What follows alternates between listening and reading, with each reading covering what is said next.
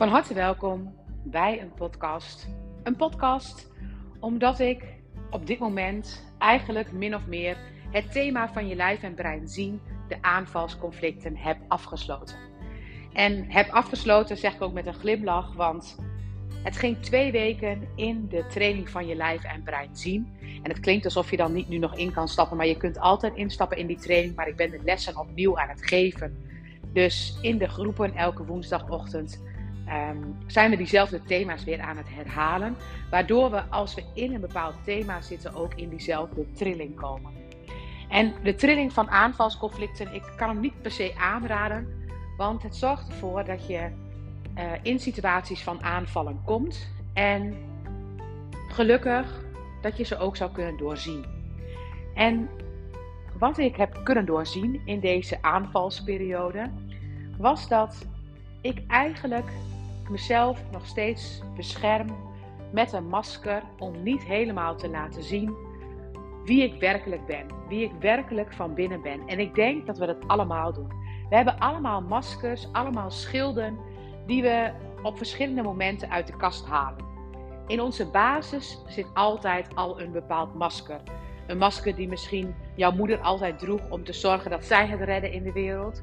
Of misschien een masker die past bij jong trauma, trauma als je net geboren bent, misschien trauma in de zwangerschap, trauma in je jeugd.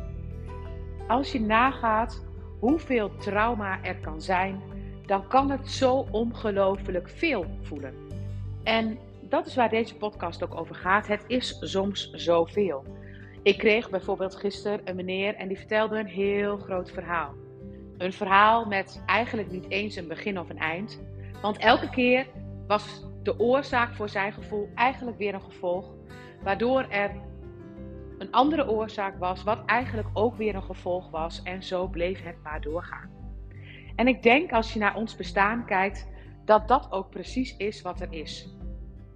Mijn leven zelf heeft momenten van schilden gebracht, oftewel dat ik bepaalde maskers heb geleerd. Als je bijvoorbeeld naar school gaat en je bent van jezelf een kind wat veel wil bewegen en je wordt afgewezen op beweging, dan doe je een schild aan van onbewegelijkheid. Je gaat proberen om dat allemaal tegen te houden. En als je bijvoorbeeld hebt geleerd om niet je mond groot te hebben op school of misschien als er andere mensen zijn, dan ga je dus de expressie, de uiting van jou, ga je op bepaalde momenten verminderen. En zo doen we allemaal dingen. En we vinden het dan jammer dat misschien ons dat ooit verteld is, of we vinden misschien dat school daar nooit over zou moeten beginnen. Of dat die opvoedkundige strategieën van ouders misschien ook wel juist beperkingen gaan geven. Maar ze zijn ons allemaal aangeleerd in de basis om iets op te lossen. Om uiteindelijk niet afgewezen te worden op school. Of om bijvoorbeeld geen klap te krijgen als jij bijvoorbeeld weer iets zegt wat je niet zou mogen zeggen. Zo hebben we dus heel erg veel overlevingsstrategieën, oftewel allemaal jasjes die we om ons heen doen, allemaal maskertjes, allemaal andere kijken op onszelf, om te zorgen dat we het overleven. En die maskertjes, die zorgen ervoor dat we dat wat er gezegd wordt, dat dat minder goed binnenkomt. Of dat je dus helemaal niet zegt, dat je eigenlijk jezelf al gaat stillen. En dit hoort heel erg bij de vliezen in het lichaam en het beïnvloedt heel erg de manier waarop bepaalde delen van jouw lijf wel of niet bewegelijk zijn. Nou, nou is het een beetje te veel om in deze podcast dat stukje te belichten. Maar wat ik heel graag wil belichten, is dat het soms zoveel voelt. En als ik terugga naar alles wat ik in al die jaren van ontdekking, van een ontdekkingstocht heb ontdekt, dan is dat ook superveel. En krijg ik dus ook heel vaak mailtjes van mensen. Dit is er aan de hand en dat is er aan de hand en dat is er aan de hand en dat is er aan de hand en daar heb ik nog een vraag over. En het is oké dat ik die mailtjes krijg, maar het is wel ehm, als ik die mailtjes krijg, dan lees ik daar altijd in: ik zou iets willen veranderen, want ik doe iets niet goeds. En ja, wat zou ik dan moeten doen? Want je ziet bijvoorbeeld dat je kind aan het struggelen is. Of je kijkt terug op de geboorte en de zwangerschap en je denkt: oh gosh, dat had ik ook allemaal niet goed gedaan. En we keuren onszelf af bij de dingen die we doen. We zien eigenlijk als ons kind gestrand is, en ik pleit daar natuurlijk ook voor, dat er iets bij ons niet goed gaat en eigenlijk vinden we dat super vervelend. En eigenlijk het enige wat hierin de oplossing is, is voelen hoe vervelend dat is. Dat is het enige zinnetje wat ik je maar zou willen geven. Want wat wij doen met allemaal opvoedkundige strategieën, met allemaal tips, met allemaal oplossingen, met allemaal therapie, wij proberen het weg te halen. Wij proberen het te veranderen, want het is niet oké. Het moet anders. Het kind is niet gelukkig. Of ik moet anders mijn kind aanpakken. Nou, ik weet niet hoe lang jij een gedragsverandering vol kunt houden. Maar je moet wel van hele goede huizen komen en heel veel discipline hebben. Om een gedragsverandering, zeg maar, dus om bijvoorbeeld heel consequent je kind elke dag een knuffel te geven. En denk je dat die knuffel die dan elke dag gegeven wordt, of dat compliment die dan elke dag gegeven wordt, omdat dat zo goed is voor je kind, dat dat helpt? Ik denk het niet. Een kind voelt gewoon de verplichting die daarop ligt. Op school hoor ik ook heel vaak juffen ontzettend didactisch, handig, opvoedkundig, fantastisch. Met allemaal zinnetjes reageren en complimenten geven alsof ze uit hun tenen komen. Alleen, ze komen bij mij nooit binnen. Ik voel niet dat ze het werkelijk menen. Het komt niet uit ons hart. En dat is precies waar alles om draait. En eigenlijk gaat het erom dat kinderen ons met hun gedrag iets laten zien waar wij verder mee zouden kunnen komen. Dus stel je voor, je kind is zo lui als wat. En je kind wil helemaal niks. Wat doen we dan? We gaan we zeggen, nou kom op, in actie. Ga je huiswerk eens maken. Wees eens actief in huis. We gaan er van alles van vinden. En misschien wil het kind wel aan jou laten zien dat jij ook een keer uit mag. Dat jij je tas ook een keer ergens neer mag kwakken. En dat jij dat dus ook mag doen. En als je dat doet, dat het daarmee oplost. Want ik weet inmiddels uit ervaring dat dat zo is. Dus dat wat je kind losmaakt. Dus als je naar dat luie kind kijkt. En je ziet hoe lui dat kind is. En je denkt echt bij jezelf: kom op. Ga dan tegen jezelf eens denken. Of aan bij jezelf denken: van goh, als ik nou eens niet kom op tegen mezelf zeg. Als ik nou ook eens zo lui zou mogen zijn, wat zou dat voor mij betekenen? En echt, bij al het spiegelgedrag van kinderen is dit het antwoord. En niet alleen bij spiegelgedrag van kinderen, ook van je lijf, van je relatie, van alles. We hebben zo een constructie bedacht om maskertjes te maken, om laagjes erop te plaatsen. En we hebben ook zoveel ongelofelijke wijsheden van onwijs goede therapeuten, ik ben er ook een van, die allemaal tips hebben om dingen te gaan veranderen.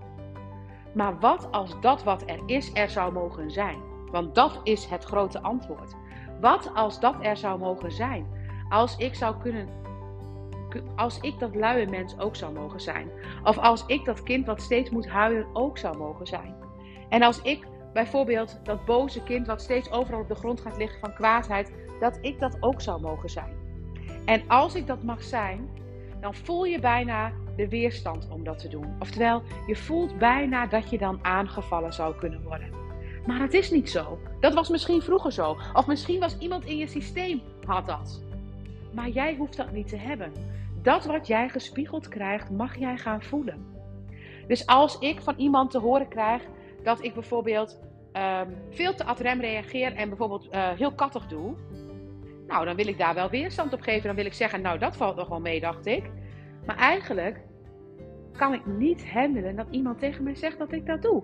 Want dat zou ik nooit willen doen. Want dat, dat is helemaal niet wie ik ben. En dat is helemaal, dat heb ik ook ooit eens me daarop afgewezen. Dus dan voel ik alweer de paniek in mij. Maar wat als ik dat wel mag zijn? Wat als ik die hittepetit mag zijn, die op die manier antwoord geeft? Die gewoon altijd op die manier antwoord geeft. En als ik dat voor mezelf eens zou mogen voelen, dat ik die persoon mag zijn, dan kom ik niet meer in zo'n situatie. Dan vertelt zo iemand me dat niet meer. En als je bijvoorbeeld heel verdrietig bent om je kind die steeds compleet overprikkeld uit huis komt, of van school komt, thuis komt. Helemaal overprikkeld en super moe. Voel dan voor jezelf eens. Mag jij zo moe zijn? Mag jij die zo aan je vermoeidheid overgeven? Mag je zo um, laten weten dat als je naar je werk gaat, dat je daar zo leeggetrokken wordt? En als je dat van jezelf mag, voel dan eens hoe zo'n opluchting dat is. Want we hebben natuurlijk altijd geleerd: kom op, doorzetten. Nee, we gaan nog niet. Je bent nog maar 10 minuten aan het werk. Je kunt nog even een half uurtje doorzetten. We hebben allemaal geleerd bijna om door te zetten. Dus als iemand dat dan niet doet, dan voelt het bijna alsof die persoon niet normaal functioneert. Maar wie zegt dat? Dat is onze maatschappij geworden. Dat is onze manier van handelen. En als Pietje 10 minuten kan werken, kan Jantje 12 minuten. En kan die het 14 minuten. En zo zijn we onszelf aan het opdrijven naar iets waar we allemaal ongelukkig van worden. En als de biologiedocent, zeg maar, bijvoorbeeld de kinderen vier taken met huiswerk geeft en de geschiedenisdocent doet er vijf, dan denkt de biologiedocent: zal ik dan echt te weinig doen? En ik weet niet of die geschiedenisdocent dan denkt: zal ik ook echt te veel doen? We zijn allemaal steeds meer, meer, meer, meer, meer, meer, meer. Maar wat als het ook minder mag? En wat als we met minder meer bereiken? En zo zijn we in heel veel patronen beland. Patronen waar we inmiddels ook inzicht in krijgen dat het anders zou mogen. En dat kinderen ons van alles spiegelen. En niet alleen kinderen, ons lichaam ook. En onze relaties ook. En ons eigen gevoel eigenlijk ook. En mag jij je overgeven aan dat gevoel? En mag jij dat wat je kind laat zien, mag jij dat ook? En dat wat jou zo ontzettend irriteert in je relatie, mag dat er zijn? Hoe zo'n opluchting zou het zijn als dat er allemaal zou mogen zijn? En hoe ga je dan door die bomen het bos wel zien? Hoe ga je het dan wel zien? Want het moment dat het allemaal iets is wat je weer wil oplossen, omdat het er niet mag zijn. En je moet het nog meer oplossen, want het mag er niet zijn. En mijn kind mag niet boos doen. En ik moet dit oplossen en ik moet daarnaar kijken. En kijk naar hoe mijn kind gestrest is. Daar moet ik toch nodig wat aan doen. Dat komt vast bij mij vandaan. Daar wordt het alleen maar groter van. Het is altijd ergens een oplossing voor, al weet je soms niet hoe het zit. En als het ergens een oplossing voor is, dan is het eigenlijk al een opluchting. En als er dan werkelijk die opluchting zou mogen zijn, dat je dat werkelijk mag voelen, dan zou het zomaar kunnen zijn dat jij door te voelen wat je kind laat zien, door dat wat jij dus niet wil voelen bij jezelf, en als je dat er laat zijn, dan kom je zoveel dichter bij jezelf. En ja, dan kom je waarschijnlijk ook in kwetsbare punten, want niet voor niks heb je zo'n schermpje opgebouwd en niet voor niks gaat je kind dat je spiegelen. Maar het moment dat je die kwetsbaarheid weer, durft en mag voelen van jezelf, dan denk ik, of dan weet ik heel zeker, dat je een kracht bij jezelf gaat ontdekken. Want in die kwetsbaarheid, in die um, geen behoefte meer hebben om, om je te verweren, zeg maar. Dus niet meer bang zijn dat je aangevallen wordt. In die kwetsbaarheid zit de grootste verbinding. De verbinding met anderen, maar ook de grootste verbinding met jezelf. En met je kindsdelen. Dus daar zit de grootste verbinding met anderen, met jezelf en met jouw kindsdelen. Dus met je kinderen. Dus kijk naar dat wat je ziet als zijnde als iets van jezelf. En als het dan een weerstand in je oproept, weet dat het blijkbaar iets in jou raakt wat kwetsbaarheid is. En als het heel veel voelt, probeer dan niet alles te veranderen. Ga dan eerst voor jezelf voelen, wat als het te veel is voor mij? Het zou zomaar kunnen zijn dat jij niet alleen dat voelt wat van jou is, maar dat je het meeneemt vanuit het systeem. En jij hoeft echt alleen dat van jezelf maar op te lossen. Dankjewel voor het luisteren. In mijn boek, of mijn boekenset, gaat het over de invloed van de zwangerschap en de geboorte op jouw zijn. En daarin neem ik je mee hoe die periode werkt en hoe je daar bepaalde imprintingen hebt. En in mijn opleiding Je Lijf en Brein Zien neem ik jou, iedereen, want het is voor iedereen, neem ik jou mee in allemaal patronen om jou dichter bij jouw hart te brengen. En ik weet zeker als therapeut, maar ook als moeder en ook als partner en ook als Willemijn zelf, dat alles wat ik heb gezien in mijn lijf, dat wat ik heb gezien bij mijn kinderen, in mijn relatie, eigenlijk ben ik dagelijks dat soort dingen aan het spiegelen.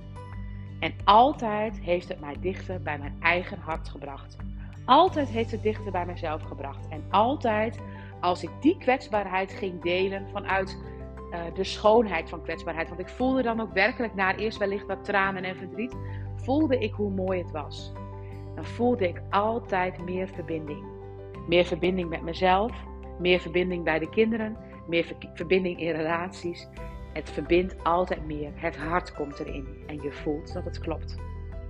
Dankjewel voor het luisteren en weet, mocht je hier meer van willen weten of mocht je misschien in een situatie zijn waarbij je lijf dingen spiegelt, je relatie, je kind, je lijf en brein zien is de opleiding. En ik noem het een opleiding, maar ik weet niet of het een opleiding is. Ja, het is een opleiding, je krijgt heel veel kennis.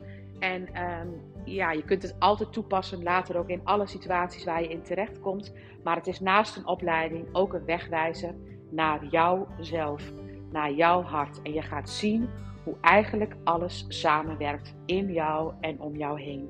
En je gaat je daarmee verbinden. En nu is de prijs nog naar de 1.0 versie, want ik ben over aan het gaan naar een nieuw systeem, naar Kajabi. En in Kajabi uh, is de versie 2.0, komt er ook nog veel meer bij. En uh, iedereen die 1.0 heeft, krijgt automatisch straks 2.0. Of die wordt eigenlijk direct al um, in de 2.0 versie toegelaten, die nog steeds aangevuld wordt. En de prijzen zijn duidelijk hoger geworden omdat er zoveel meer in zit. Dus mocht je denken, ik wil het heel graag, je lijf en brein zien 1.0 is meer dan de helft goedkoper dan de 2.0. En het duurt niet lang meer. Ik zou zeggen begin december. Dus ik hoop dit weekend is alles over naar de Kajabi. Dankjewel voor het luisteren.